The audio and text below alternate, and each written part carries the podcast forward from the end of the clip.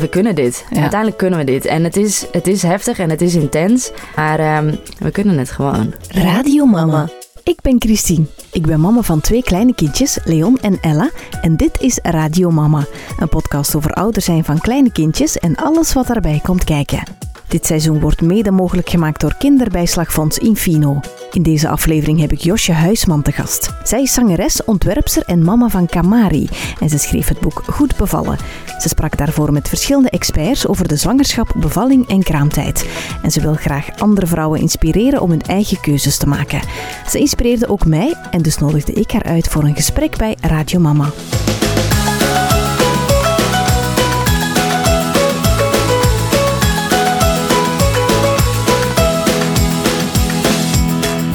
Dag Josje, welkom in Radio Mama. Hoi. Ik ben super blij dat jij wil langskomen om eh, met mij te babbelen over mama zijn. Ja. Je hebt zelf één zoontje, vertel eens iets over hem. Ja, klopt. Ik heb één zoontje van nu tien maanden en nog wat. Hij is op eerste kerstdag geboren vorig jaar. Oh, leuk. Ja, ja, en hij doet het eigenlijk heel goed. Ik vind het super leuk om, om eh, mama of moeder te zijn.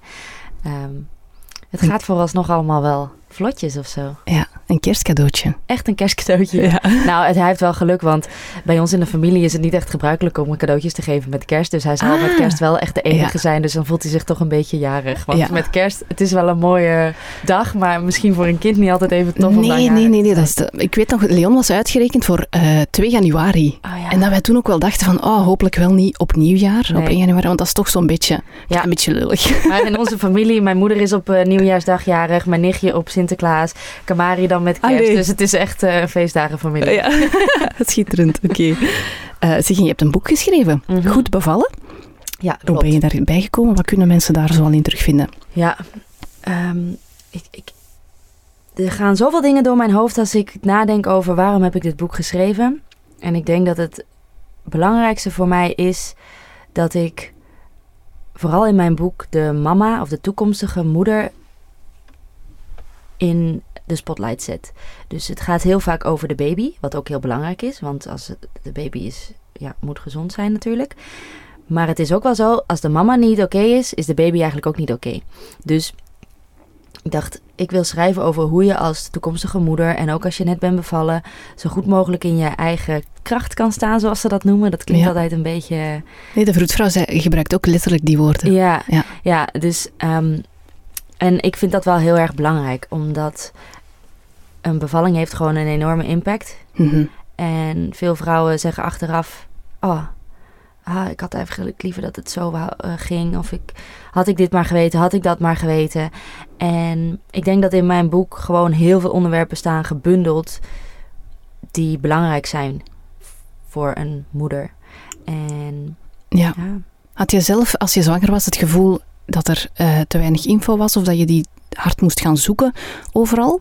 Ja, ik had vooral het gevoel dat bij de eerste kliks die je doet als je gaat googlen, dat ik me daar geen aansluiting vond. Ja. Ik, ik voelde gewoon heel erg vanuit mezelf, ja, ik wil dat anders doen dan, dan dat hier allemaal beschreven staat in de meeste boeken. En er was een soort van ehm, ja, stemmetje of oerkrachtje in mij die naar boven kwam en die dacht, nee, ik wil het, ik wil het op mijn manier doen. En ik wil die keuzes zelf kunnen maken en me daar vooral gesteund in voelen. Want je wordt heel snel een beetje. We zitten een beetje in een angstcultuur, vind ik. Als je zwanger bent, dan moet je vooral heel veel eh, oppassen voor allerlei hele nare dingen die je kunnen gebeuren. In Ja. plaats van dat je wordt verteld hoe geweldig het is. Dat is het ook wel, maar dat je die kracht vooral in jezelf hebt. Vrouwen die zijn zo magnifiek in elkaar gezet Ja. dat, dat we dat soms vergeten. Doordat er heel veel artsen en gynaecologen zijn die je toch een beetje bang maken. En ja. er zijn heel veel medische trucjes waarvan het heel fijn is dat die bestaan. Mhm. Alleen moet het. Ik geloof gewoon heel erg in de kracht van De natuur. ja, de natuur, de vrouw en van. ehm, ah shit, hoe, nu kom ik niet op dat woord. Ehm, programmering eigenlijk. Ja. Dat is het een beetje. Want als wij opnieuw worden geprogrammeerd met het idee van wij kunnen dat, Mhm.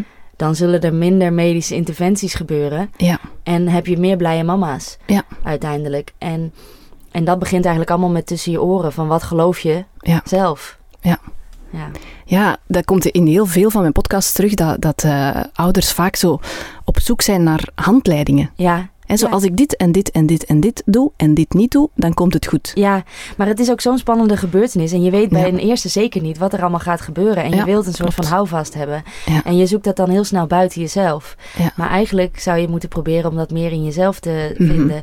Ehm, de informatie te zoeken die je kracht en vertrouwen geeft. In plaats van eh, zoveel mogelijk willen testen waar je alleen nog maar onzekerder van wordt. En zoveel mogelijk binnen ehm, ja, hokjes afvinken omdat anderen het eh, zo doen. het ook zo doen. Ja. Ja. Ja, dus het is, het is ook wel heel lastig om dat, om dat op te zoeken. Maar het is, ik denk als we dat meer ehm, doen door ja, dit soort podcasts te maken, dat soort boeken te schrijven, echt die empowerment teruggeven, Mhm. dan, ehm, dan denk ik dat we wel op de goede weg zijn. Omdat ehm, hier in, Nederland is het ook nog wel anders dan hier in Vlaanderen. En natuurlijk zijn er ook heel veel mooie geboorteverhalen. Maar ik vind het best wel shocking om te horen op de radio dat één op vijf vrouwen een keizersnede moet ondergaan. Weet je? En Eén dat- op vijf, één wauw. op vijf. En dat is echt veel te veel. Ehm, dat, is, dat is echt eh, heel intens, vind Ja. ik. Ehm, en ja, dat gaat alleen maar meer worden als we niet meer die bewustwording gaan creëren. Ja, want het is wel inderdaad zo. Ik, ik herinner mij, ehm, toen ik zwanger was van Leon, dus mijn eerste, dat ik ook zo wel iets had van, ah, er is zoveel info en er Ja. zijn zoveel boeken. En Ja. welke kiesde? Als Ja. je nog niet weet, hè, want jij had nu het geluk dat je al voelde van, Ja, ik wil het anders doen. Maar Ja. ik had eigenlijk totaal nog geen bewustzijn daarover. Dus Nee. ik had zoiets van, ja, er is ook zoveel info. Ik lees mij één een boek en dat is dan, ja, toevallig een boek die... Ja, ik weet al niet meer hoe ik er ben opgekomen. Eh, dat was nu wel een goed boek, hè, maar, eh, maar voor de rest had ik zoiets van, ja, er is zoveel info, het overweldigt mij een beetje. Ja. Ik zal wel zien wat er komt. Ah, dat is op zich ook geen slechte instelling van ik Ja. zal wel zien. Want je kan het ook niet eh, plannen of zo. En je, kan het, Nee. je moet het ook niet overdenken. Maar als je zegt ik zal wel zien en er gebeuren dingen waar je achteraf je niet goed over voelt, dan Ja, heb, je, heb je weer spijt. Ja. Dus ik denk inderdaad, ik had ook een aantal boeken gelezen en dan merk ik bij de eerste pagina, oké, dit is niet mijn tone of voice. Ik leg Ja. deze weer weg. Ook al ging dat ook over de kracht van vrouwen. Dus het is inderdaad een beetje zoeken. Misschien eh, spreekt het ene boekje meer aan dan het andere boek. Maar ik heb het ook maar bij twee boeken gehouden. Want op een gegeven moment ben je ook verzadigd. Ja, En dan ja, denk je ook van oké, ehm, nu Ja. weet ik wel voor mij persoonlijk genoeg. En laat ik het inderdaad op me afkomen. Dus het is denk ik een combinatie van je goed informeren. En het ook weer durven loslaten. En een beetje go with the flow als het eenmaal zover is. Maar ik denk dat het... Ik vond het heel fijn om te weten van... Oké, dit gebeurt er met mijn lijf. Dit zijn de opties die ik heb. Eh, Mhm. Moest ik wel naar het ziekenhuis gaan? Mhm. Ehm, en ik heb mijn vroedvrouw bij me die altijd voor mij instaat. Ik heb heel duidelijk met haar besproken wat ik wel en niet wil. Ja. En ook als het dan wel de kant op gaat die ik niet wil... blijft ze alsnog aan mijn zijde om mij te beschermen als het ware. Weet je? Ja. Natuurlijk mijn partner ook, hè. Maar ja, voor hem is het ook een hele belevenis. Dus ehm, Ja. Had jij een vroedvrouw toen je zwanger was al ook? ja... Ja. Ja, en da- dat was hier in Vlaanderen ook wel even zoeken. Hè? Want, eh, Ja, dat, dat, dat weten niet zoveel mensen. Ik wist dat bijvoorbeeld niet, dat je ook voordat je bevalt effectief echt uitgebreid eh, Ja, kan dus- opgevolgd worden. Dus ik, ik ga normaal gesproken... ehm, eh, ja, je doet hier in België elk jaar je check-up bij je gynaecoloog, denk ik. Tenminste, Ja, ik, ja. Dat doet elke vrouw. Dat is in Nederland Mhm. eigenlijk niet zo, maar dat is heel fijn. Maar toen ik zwanger was, dacht ik... Oké, ik, doe, ik doe de drie echo's, doe ik. Maar de rest Mhm. wil ik laten opvolgen door een vroedvrouw. En dan heb ik eh, gewoon gezocht naar iemand bij, bij wie ik me fijn voelde. Ja. Omdat ja, die consulten waren ook uitgebreider en langer. En Persoonlijker ja, veel misschien. persoonlijker. Werd veel breder aangepakt. Niet alleen alle testjes, de medische testjes, maar ook gewoon eventjes hoe voel je je, hoe gaat het eigenlijk met je en eh, kijk je er naar uit of zie je er tegenop? Ja. Dat soort vragen zijn eigenlijk ook heel belangrijk. Ja, want dat schrijf je ook in, in het voorwoord van je boek van eh, we worden medisch schitterend opgevolgd, hè, wat natuurlijk prachtig is. hè, Mhm. dat, is dat is wel heel belangrijk. Ja. Maar wat doet het emotioneel Ja, om zwanger te zijn? Ook veel, hè? ja, Maar eigenlijk staan we er alleen in, hè? ja, Op dat vlak. Ja. Tenzij dat je natuurlijk hè, ehm, ja, hulp zoekt eh, bij een, bij, een, eh, bij een vroedvrouw zo bijvoorbeeld. Ja, ja, maar er zijn maar 40 zelfstandige vroedvrouwen die bijvoorbeeld thuisbevallingen begeleiden al. Ja. Het is ook een eh, zware job, hè? Dus eh, Ja, er zijn ja. ook veel zwangere vrouwen. Dus ik snap ook wel dat er soms een beetje tijd bij geboden is of zo. En Ja. dat je niet. Maar ja, ik voelde me er wel fijn bij. Dat, dat zij gewoon goed de tijd nam voor me. En ehm, zij sluiten echt ehm, dingen uit ook en zo, weet je. Dus Ja. Het is niet zo van dat, eh, dat je daar alleen voor de gezelligheid zit. Nee, echt nee, wel verstand van zaken. Ja, ja, ja. En ehm, voor het boek heb jij ehm, samengezeten met verschillende experts dan, eh, Ja. gesprekken gevoerd? Ik heb met mijn eigen vroedvrouwen gezeten. Mhm. Ehm, en die hebben mij dan ook weer doorverwezen naar goede lactatiekundigen en, Ja. en, en draagconsulenten. Ik ben zelf eh, gaan praten met sportcoaches, diëtisten, ehm, massagetherapeuten. Dus ik ben met allerlei verschillende mensen, ook mensen die mij hebben bijgestaan tijdens mijn zwangerschap en de tijd daarna. Ja. Omdat ik daar een goede klik mee had. Mhm. En daar ben ik mee gaan spreken. En die hebben mij gewoon heel veel informatie gegeven die ik ook weer heb verwerkt in het boek. Ja, heb jij gebundeld allemaal samen. Mhm. Ja. Ik vind het echt een heel mooi boek. De, de cover is ook wauw. Dank je. Ik denk dat elke mama dat dat zie ook denkt van... Oh my god, ik wil er ook zo uitzien. Ja, het is wel echt een echt fantastische prachtig. foto. Die Ja, hadden ja. we niet echt eh, kunnen plannen. Want ik denk dat we ongeveer 15 minuten geshoot hebben met hem. Ja, ja want was- hij hing echt aan, hing je echt aan de borst? Ja, was hij echt aan het drinken? Hij was echt aan het drinken. Schitterend. Het was met een klein team met mijn favoriete fotograaf. Dus dat zorgde er ook wel voor dat hij meteen goed kon schieten. Ja. Ik meteen gameface on en huppakee. Er is natuurlijk wel ervaring in, is- in de sector. Ja. Eh, waar ben je eigenlijk voor de rest zo al mee bezig? Ehm, nou, ik ben eh, momenteel heel erg gefascineerd door mijn hoeden Mhm. hobby. Ja, dat had ik al gezien op Instagram. Ja, en ik doe dat eigenlijk al jaren hoor. Maar het was een tijdje een beetje verwaterd. Ook eh, vanwege de afronding van eh, mijn zangcarrière toen in K3. En Mhm. tijdens mijn zwangerschap heb ik dat weer opgepikt. En nu merk ik van oké, ja, ik vind dat echt super om te doen. Ja. Ehm, En wat doe je? Je ontwerpt ze? ja, ik ontwerp Ja. ze en ik maak ze ook echt daadwerkelijk zelf. Dus Ah, ja, eh, van, vanaf niks tot een hoed. Ja. Ehm, en ik heb aan, thuis een aantal materialen staan waarmee ik dat kan doen. Ik heb een toffe samenwerking met Xandres, die, eh, die dat ook zag. En die dacht, hé, hey, wij hebben nog geen hoed in de collectie. Ik Ja. dacht, nou, dat is hoog tijd dat je daar verandering in brengt. dus eh, heb ik dat ontworpen. Dat vind ik, het is eigenlijk een, een passie, een hobby. Ja. Maar ik hoop daar later wel ja, wat meer mee te doen, zeg maar. Ja. Nog meer mee te doen. En ehm, voor de rest, ik ben veel thuis bij mijn kindje. ja, Eh, toch wel eh, zeker vijf dagen, vijf, vier dagen in de week. zalig. En ehm, Bewust? ja, toch Ja. wel. Eh, toen ik zwanger was, dacht ik, oh, ik wil alleen nog maar voor mijn kindje zorgen en ik wil niks anders doen. Mhm. Maar ik heb natuurlijk ook mijn werk en mijn verplichtingen en mijn Tuurlijk, ja. passies. Dus dat, je persoon als naast ja. moeder zijn, hè? maar in het begin was ik daar echt heel erg zo van, nou, die wil ik niet. En, en- maar als je dan lang genoeg thuis bent geweest, dan merk ik ook van, oké, ik krijg ook superveel energie van mijn Ja. werk.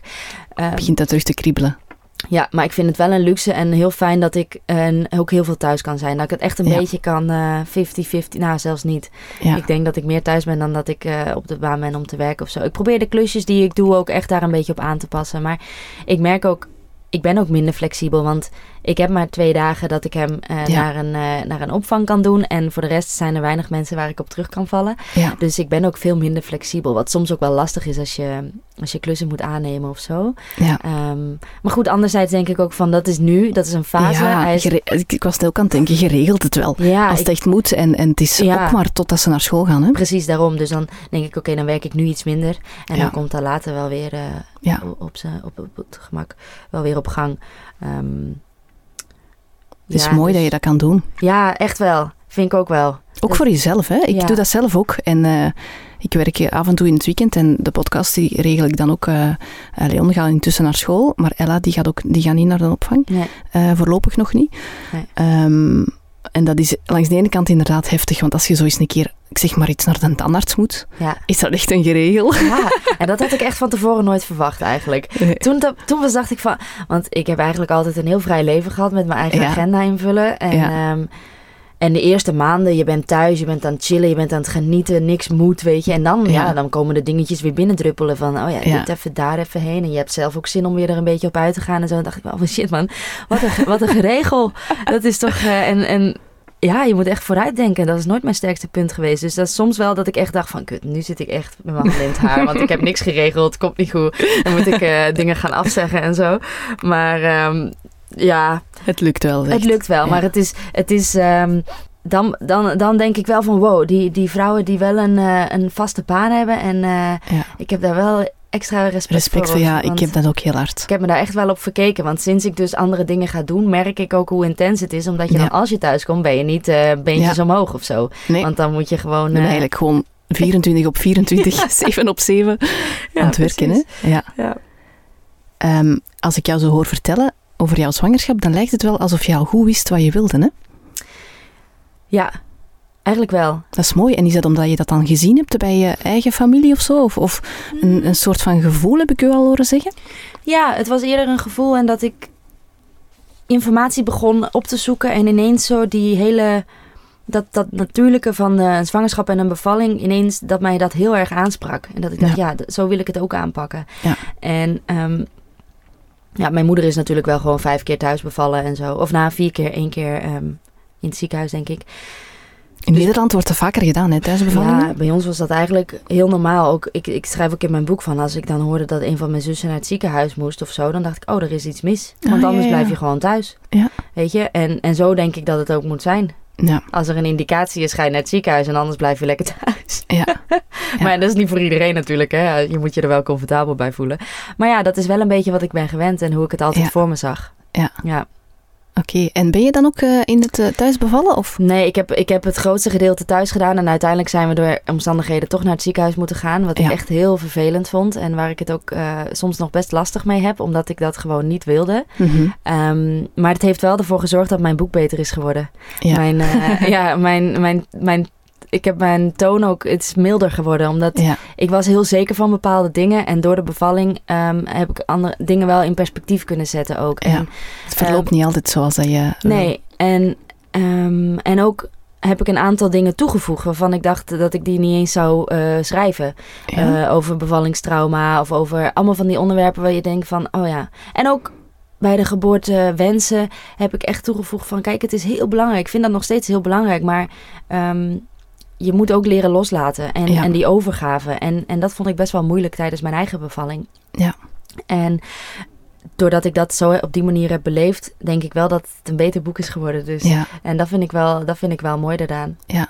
ja, het zijn zo twee uitersten. Hè? Langs de ene kant zeggen van, ik zoek niks van info op, het overkomt mij. Ja, En langs de, de rechtse kant dan bijvoorbeeld zoeken van, eh, dit is mijn geboorteplan, ja, ik wil dat volgen.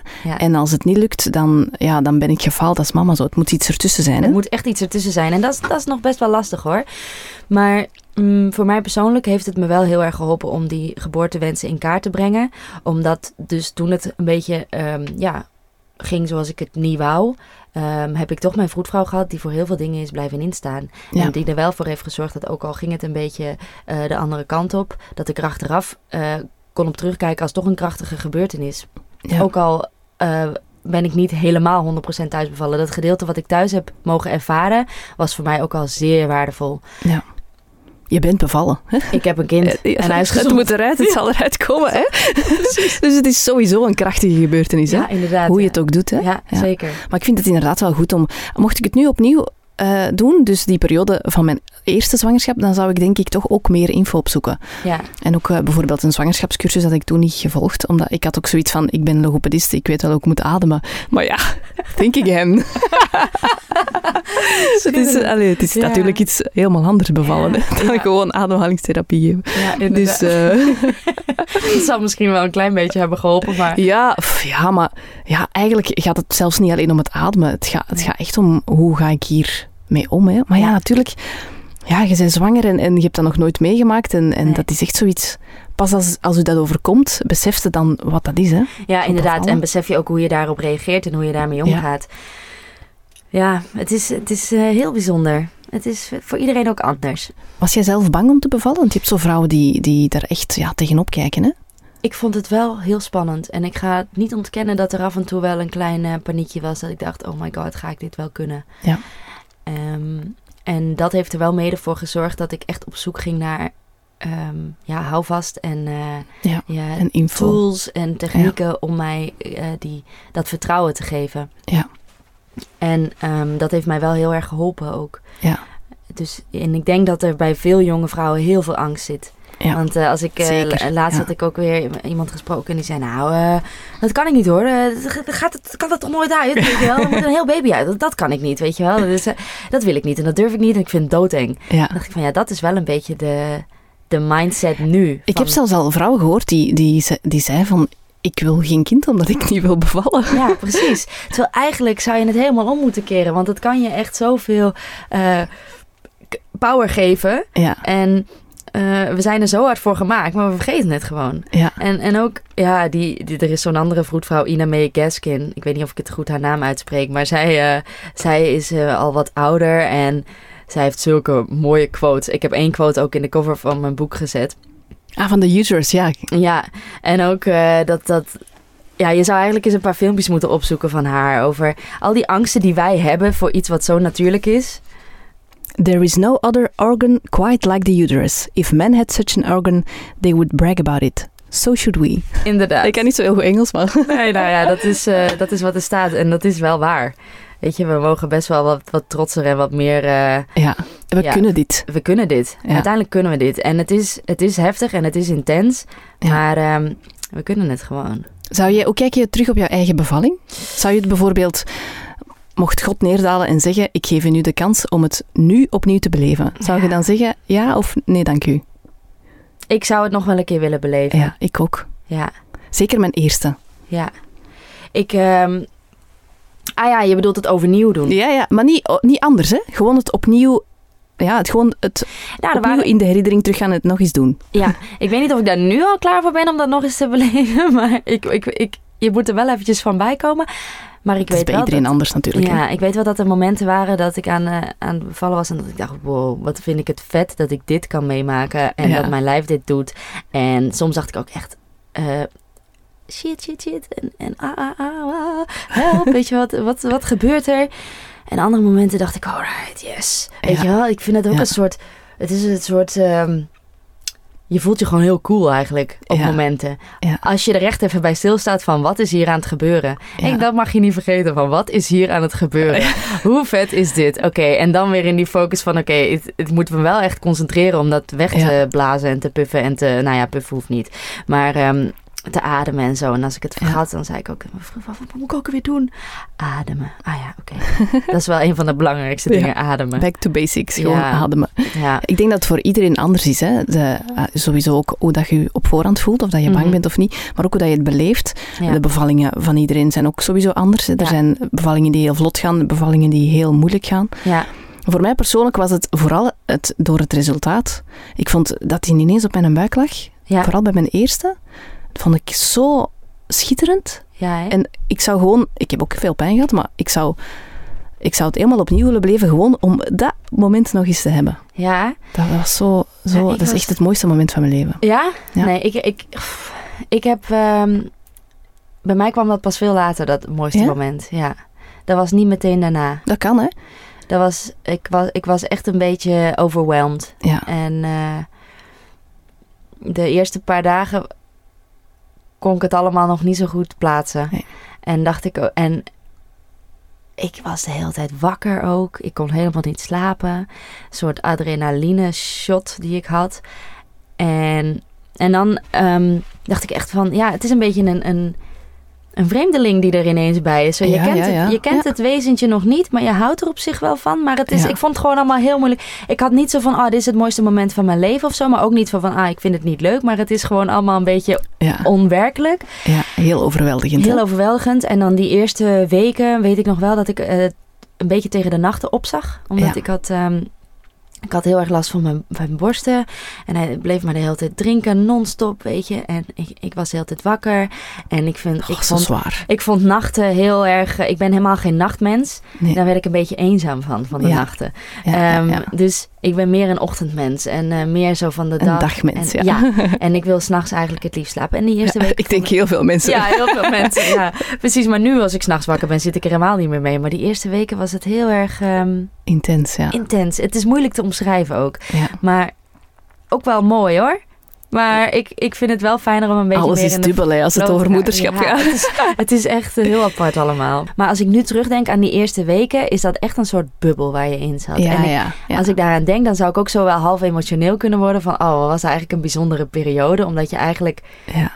niks weet nog. Hè? Nee, je bent nee. nog zo, je, je weet wel dingen, Groen. maar eigenlijk doe je maar wat. En, en het, het is, ja, ik zie het ook echt als een soort waas. Weet Ja. je, ik weet nog dat de lichtinval in die kamer toen ook heel mooi was. En het was een beetje wazig. En zo Ja. kijk ik ook terug op die periode. Het was een mooie periode, Ja. ehm, maar ook een beetje Een wazig. beetje onder water zo. Ja, ja.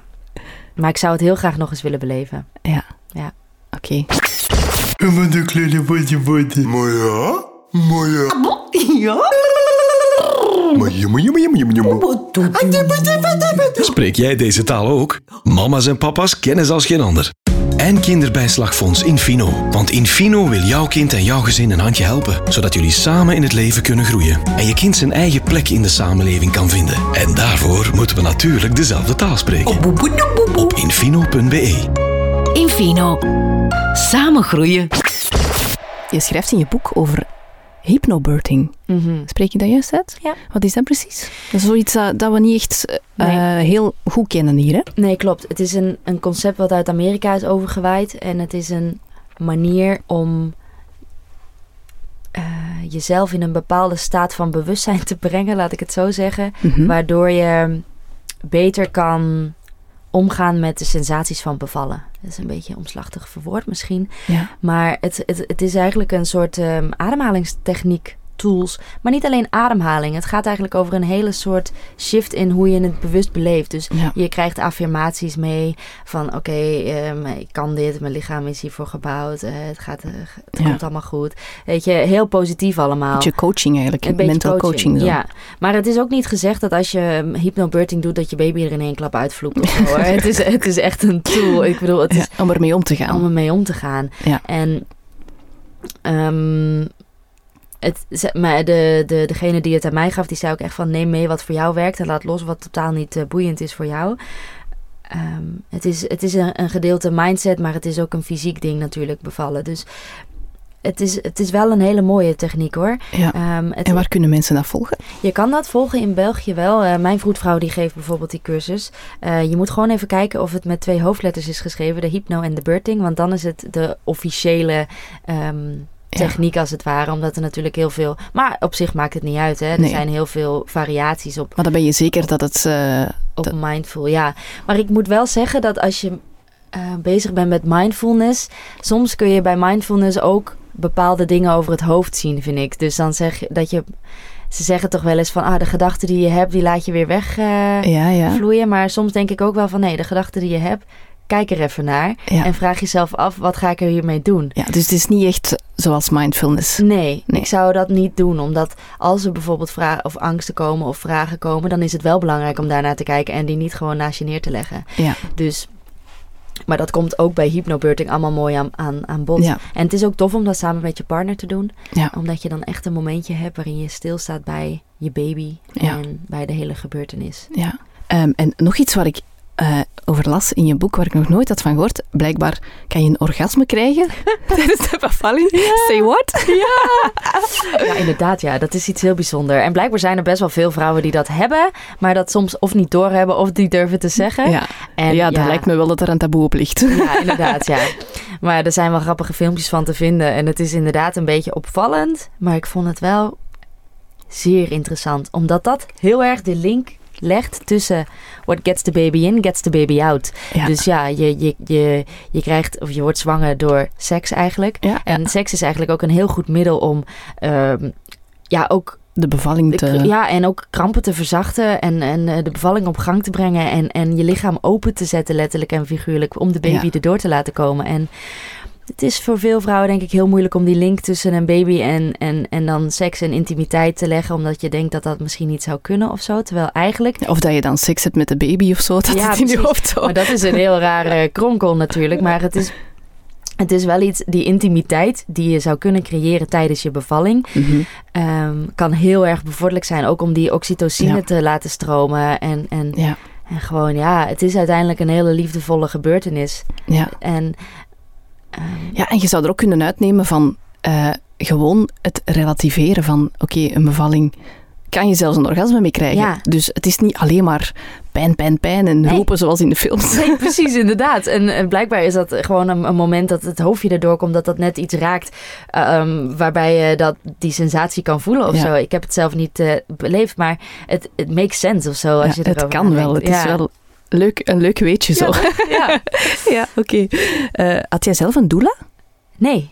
Nee. Nee, eigenlijk niet, omdat mijn vroedvrouwen die kwamen eigenlijk heel erg in de buurt van een doula.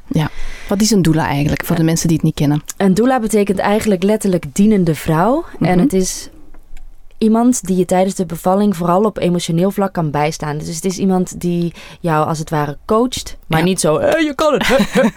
maar, maar eerder zo van, yo, eh, you got this. En een beetje meer, meer kalm. Stel je voor, oh my god. Ja, zo'n coach, dan denk je toch aan iemand die staat te cheeren. Ik denk dat hij veel, veel slag gaat krijgen dan. Ja, maar ze mag in ieder geval geen medische richtingen doen. Maar ze mag wel erbij zijn in, eh, in het ziekenhuis of in je kraambed. Om ja, echt ervoor te zorgen dat je geboortewensen worden gerespecteerd zoveel mogelijk. Ja. Ehm, dat je je gesteund voelt als je het even niet meer ziet zitten. Ja, eigenlijk een beetje zoals vroeger je, je, je moeder of je zus aan je kraambed stond. Misschien dat dat bij sommige mensen nog zo is. Maar dat is een beetje, die cultuur is een beetje weg. Ja. Maar zo'n vrouw aan je bed kan heel veel steun bieden. En dat is Ja. wat een doula doet. Lijkt me wel fijn. Je hebt er Ja. ook die bijvoorbeeld ook foto's trekken ondertussen dan. Ja, klopt. dat is ook ja. leuk, hè? Ja, dat, nou, ik ben me daar dan veel te veel van bewust. Want Ja. mijn vroedvrouw deed dat ook. En ik had een hele mooie foto. En dan kijk ik zo precies in de lens. Dus ik dacht, ah, Dat als, is een beetje beroepsmisvorming. als ik dat niet had gedaan, was die foto veel beter geweest. dus ik vond het een beetje afleidend. Maar het kan inderdaad wel heel mooi zijn. Heeft eh, mama worden jou erg veranderd als persoon? Ehm, ja, die vraag krijg ik een moeilijke vraag, hè? dat vind ik een hele moeilijke. Ik, ik denk het ergens wel, omdat... Maar anderzijds... kan bijna niet anders eigenlijk. Ja, je bent aan de ene kant veranderd, maar wat is er precies veranderd? Dat is moeilijk te zeggen. Dat is ineens je moederhart die, eh, die, Ja. die klopt. En eh, waarvan Ja. ik niet wist dat ik dat in mij had. En, en mijn vriend vond het me ook heel mooi staan, zei hij wel eens. Ja? Van, het moeder, ja, ik vind het mooi om je als moeder te zien ook. Weet je wel? En zachter laatste- geworden misschien dan of zo. Of Ja, zachter en, en meer eh, zorgend. zorgend. Eh, ja, ik denk dat soort dingetjes. Ja, het- je legt je prioriteit ook een beetje anders of zo. Het is minder de hele tijd eh, over jezelf. En dat vind ik wel verfrissend en verhelderend. Ja. Want je kan zo met jezelf bezig zijn, maar een Ja. baby maakt heel veel... Ja. ehm, ja, zit in. Relativeert, ja. Relativeert inderdaad. Je bent een heel milieubewuste mama ook, hè?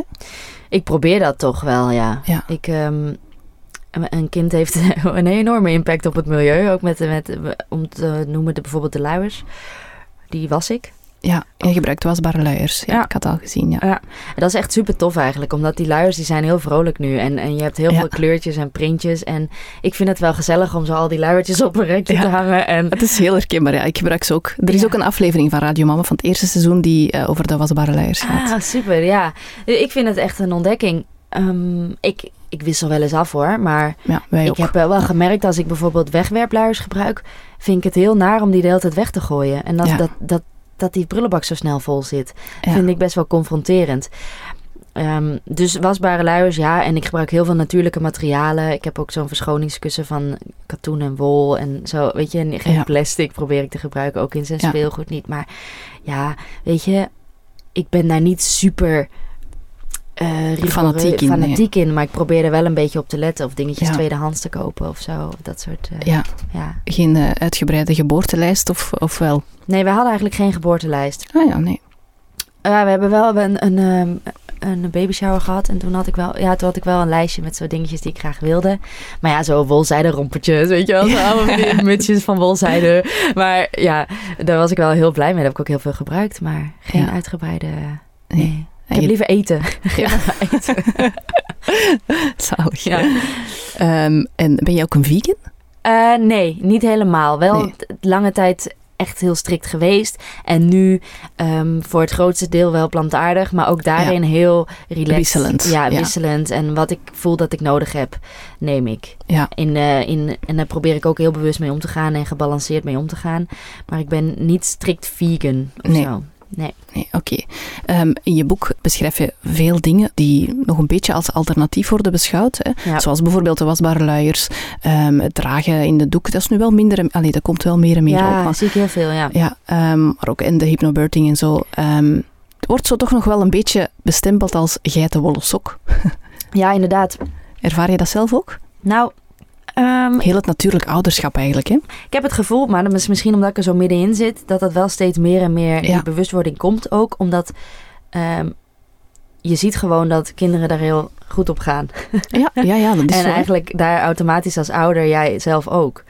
En Er is ook meer en meer wetenschappelijk onderzoek dat dat ondersteunt, hè? zoals Ja. het dragen en... ja, dus maar ik merk ook wel het verschil tussen Nederland en Vlaanderen. In Nederland zijn ze heel nuchter. En ik kreeg gisteren bijvoorbeeld ook een paar keer de vraag van ja, eh, is het dan eh, een zweverig boek? Of is het dan, weet je wel, een eh, heel alternatief boek? Ja, het is wel alternatief, maar het is wat mij betreft niet zweverig. Maar het is eerder modern.